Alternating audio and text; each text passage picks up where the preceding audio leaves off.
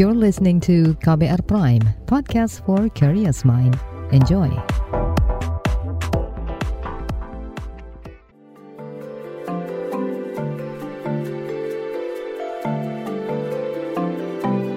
Saga, cerita tentang nama, peristiwa, dan fakta.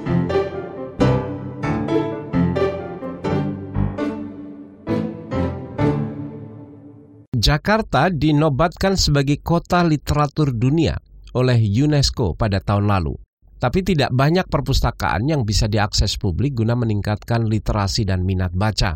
Akses juga semakin terbatas karena situasi pandemi.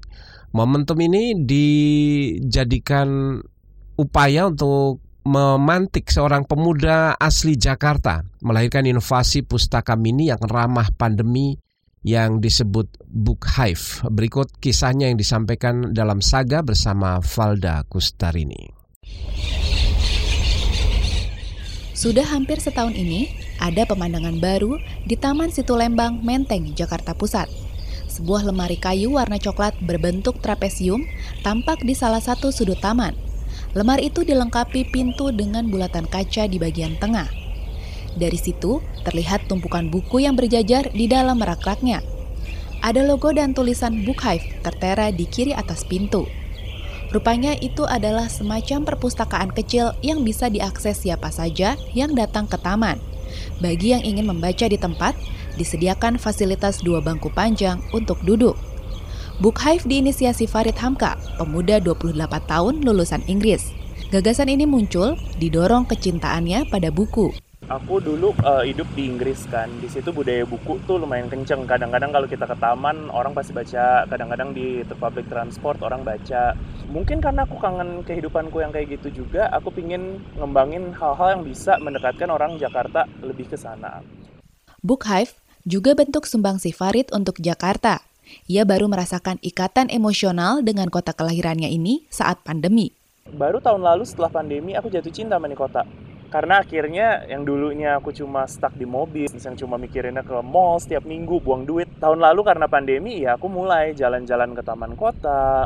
Dan banyak banget hal-hal yang sebelumnya aku take for granted gitu loh. Dan akhirnya aku jatuh cinta banget sama Jakarta. Aku mulai eksplorasi ke Glodok, ke Pasar Baru, ke Jatinegara. Dan di situ aku ngerasa, oh wow, kan biasa kalau kita mulai suka sesuatu kita pengen ngasih hadiah atau kita pengen berkontribusi to make that object of love something better.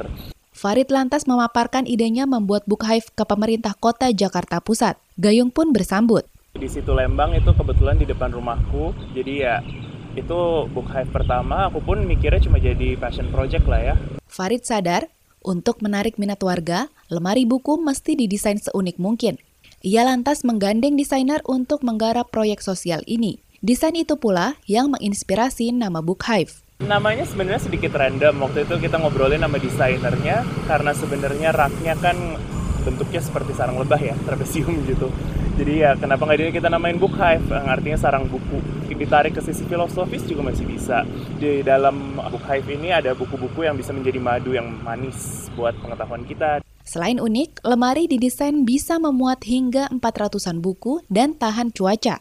Akhirnya, pada 23 April 2021, Book Hive pertama di situ Lembang resmi diluncurkan bertepatan dengan Hari Buku Sedunia. Acara itu dihadiri oleh Wali Kota Jakarta Pusat, Dani Sukma.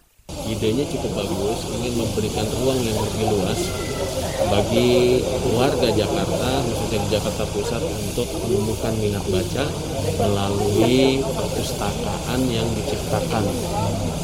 Harapannya setiap warga yang melintas di Taman Lembang ini berkenan untuk membaca buku. Proyek rintisan Book Hive di situ Lembang didanai dari kocek pribadi Farid. Buku-buku yang tersedia juga berasal dari koleksi pribadi dan donasi rekan-rekannya. Di perpustakaan mini ini, pengunjung boleh meminjam bahkan mengambil secara cuma-cuma. Di sisi lain, publik juga diajak ikut menyumbang buku dan menaruhnya langsung di Book Hive mana pun.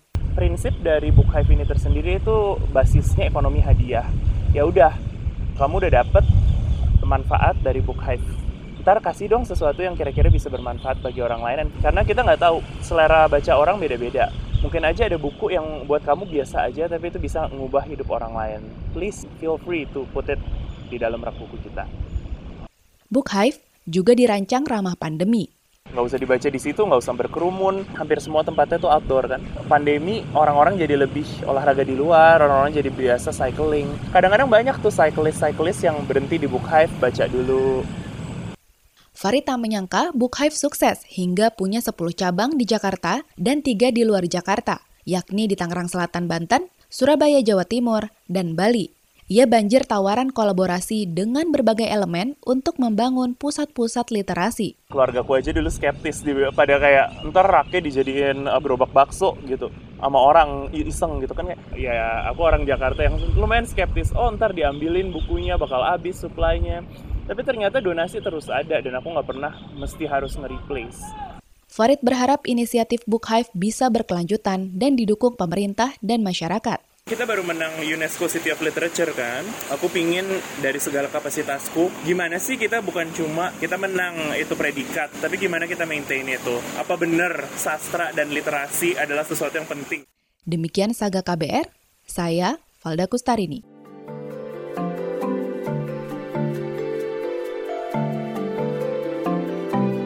Saga, cerita tentang nama, peristiwa, dan fakta.